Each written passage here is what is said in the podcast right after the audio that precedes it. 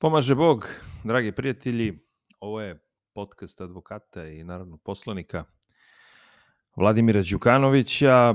Dugo se nismo čuli, dugo nisam snimao ma baš ništa.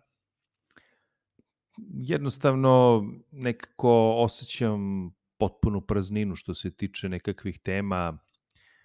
Nekako se sve svodi na tu glupu i dosadnu dnevno političku pljuvačinu, a ja nemam nameru da na svojim platformama, zapravo na svojim profilima, na platformama koje koristim, da imam dnevno političku raspravu.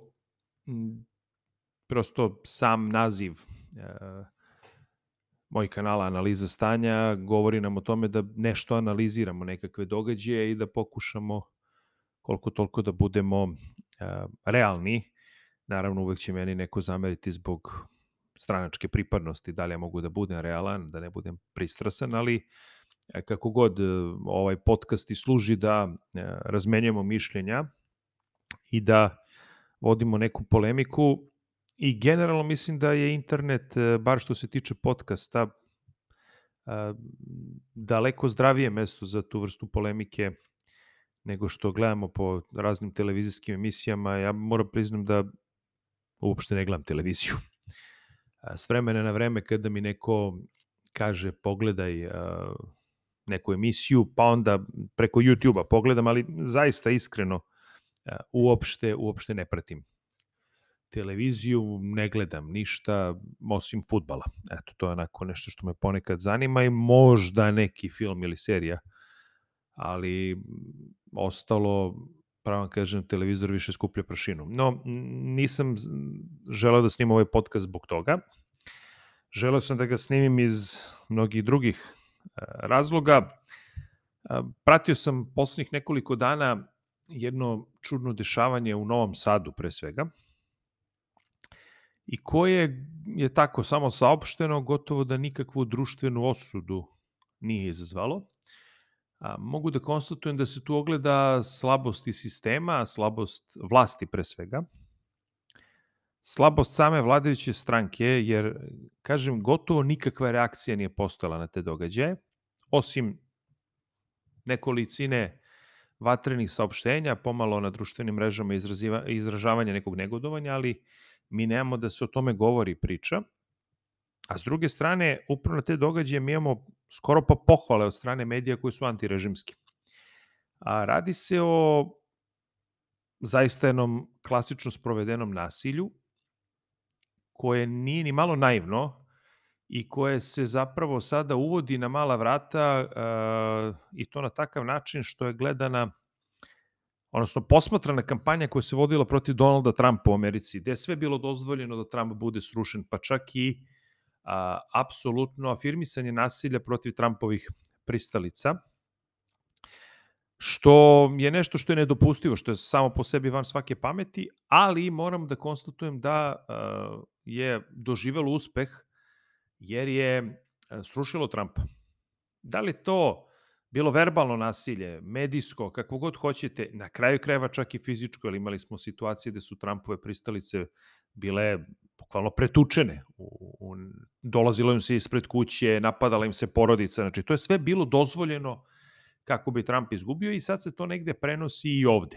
A, o čemu se zapravo radi? Imali smo nedavno jedan događaj gde je sin jednog uh, visokog opozicionog funkcionera, go, nekadašnjeg gradonačelnika čak Novog Sada, gospodina Novakovića, razbio izlog na prostorijama Srpske napredne stranke i to onako prilično alkoholisanom stanju i naravno osim negodovanja same vladajuće stranke, medijski to ne da nije ispraćeno, niti se o tome govorilo, već naprotiv, mi smo imali u opozicijonim medijima stav da on više ne može da trpi kako mu oca, ne znam, sve nazivaju. I shodno tome on je reagovao tako kako je reagovao, čak se opravdava to što je uradio i kaže se pa neka skoro pa super što je razbio izlog srpske napredne stranke. Samo po sebi to nije normalno. I to ne da nije normalno, nego to je potpuno nenormalno. Ali se nalazi opravdanje za takav čin, kao što vidite i kaže se pa neka, pa šta sad, mlad, lud, neiživljen, kako god, eto, oca mu napadaju, samo neko on tako nastavi otprilike. Na kraju kreva zašto da ne, protiv Vučića i vlasti SNS je dozvoljeno apsolutno sve da se primeni. Zamislite samo obrnutu situaciju, s obzirom da recimo a, Danilo Vučić kao sin predsednika Republike, šta sve svakodnevno čita, čita o svom ocu, šta pišu raznorazni mediji, šta čita o sebi. Zamislite da se on tako zaleti i razbije izlog, na primer, stranke Slobode i Pravde. I onda krene opravdanje, pa neka mlad je, pa šta sve pišu o njemu. Da li bi to baš tako moglo? Složit ćete se da bi on bio razapet u tim medijima koji opravdavaju Novakovićevog sina. I to ne razapet, nego bi se tražilo hapšenje, stroga kazna, višegodišnja robija i tako dalje i tako dalje. I Sava i Dunav ga ne bi oprali, naravno. Obrnuto, kada se nešto radi protiv Srpske napredne stranke, to je protiv uh, njenog lidera, kako god, i kad se razbija imovina, uh, pa makar i zakupljena, pošto pretpostavljam su prostorije zakupljene, ako se razbija izlog i uništava imovina, to je sasvim u redu i to, je, to se opravdava. I tu nije kraj. Prošle nedelje imali smo jednu nesvakidašnju situaciju gde su baš isto u Novom Sadu dvojica a, mladih ljudi očigledno a, anarhističkog svatanja razbili izlog na prostorijama Srpske napredne stranke u Novom Sadu na Detelinari konkretno. I čak su to snimili. I da se pohvale kako su to uradili. A onda su otišli sami da se prijave u policiju.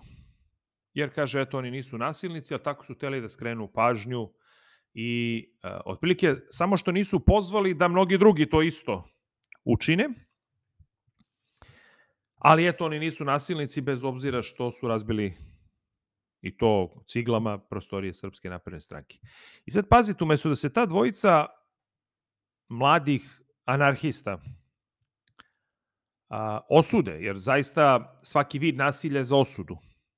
Naprotiv, gleda se sa velikim simpatijama u medijima pod pokroviteljstvom uh, United grupe. Ja ne volim onaj termin Šolak, Đilas, jasno je da je to pod njihovom kontrolom. I čak se ti mladi momci afirmišu i kažu bravo, super, evo vidite, oni su se čak i sami prijavili. Onda otprilike samo bi trebalo još i da im aplaudiramo za taj čin. I skoro pa da se uzima narativ da se kaže, e, razbijajte svuda njihove prostorije, pa to je izraz bunta, a opravdanje za tako nešto dolazi iz činjenice, pa eto, oni više ne mogu da trpe šta ova vlast radi. I otprilike sad je sasvim dozvoljeno i legitimno idi razbi izlog a, Srpske napredne stranke. To je nešto što je apsolutno ludilo, nešto što zaista moram da priznam nikada se nije uh, dešavalo i nikada se nije događalo da neko pravda nasilje. Zašto je ovo vrlo opasno? Zato što ovo jeste jedna vrsta tendencije koja će se odvijeti pred same izbore. Gde će, a vidjet ćete, upravo zbog to kao nekog bunta protiv vlasti biti dozvoljeno, pa što da ne, prebiješ njihovog pristalicu. Pretučeš pretučeš uh, na štandu devojke, momke koji su u Srpsku naprednu stranku. Pa nego, ja imam pravo zato što sam ja, uh, zato što iz bunta to radim, zato što se ne slažem s vlašću, e sad imam pravo i da ih tučem. Zamislite obrnutu situaciju, da su recimo neke pristalice Srpske napredne stranke uhvatile kamenčinu i razbile prostorije stranke Slobode i Pravde ili, ili ne davimo Beograd ili bilo čega, Naravno da bi bili linčovani, tražila bi se zabrana Srpske napredne stranke, proglašavala bi se za fašističku, iako baš ovo što su ova dvojica uradili je klasičan primer fašističkog metoda. Znači, ovo, odnosno, čak ne fašističkog, nacističkog metoda. Ovo smo samo imali prilike da vidimo u Nemačkoj 30. godina, kada su, recimo, razbijane radnje jevreja ili tako dalje, ili protivnika nacističke vlasti. E, tako i ovo. I imate poziv da se to nastavi da se radi. Sad, stvarno se postavlja pitanje, čekajte, a šta mi ovo radimo? Da li je ovo normalno da se čini? Zašto nema osude nad ovakvim nasiljem? Ovo je ozbiljno nasilje i ozbiljan poziv na, na nasilje. I sad, ja moram da kažem, užasno sam a, zgranut, malo je rečeno, malo je reći zapravo blagom reakcijom Srpske napredne stranke koja pa eto, sramota, srami i bilo gle šta rade, što se kaže, čekaj bre, gde ide ovo društvo? Gde može jedna obesna grupa a, ljudi koja se ne slaže sa nečim da nekom razbija imovinu? Mi smo ovdje imali situaciju, setite se on onim protestima kad su jurili Vesićevog vozača u garaži. Kad su, do, pazite, sad sve više imamo protesta gde se dolazi ispred kuće, dolazite Vesiću na stan, dolazite nekim drugim čelnicima ispred kuće, da li ste vi ljudi normalni šta radite? Pa mislite da ova druga strana to isto ne može da uradi? Protiv, inače, ja lično sam uh, zaista, uh, kako bih vam rekao, srcem i dušom sam protiv toga.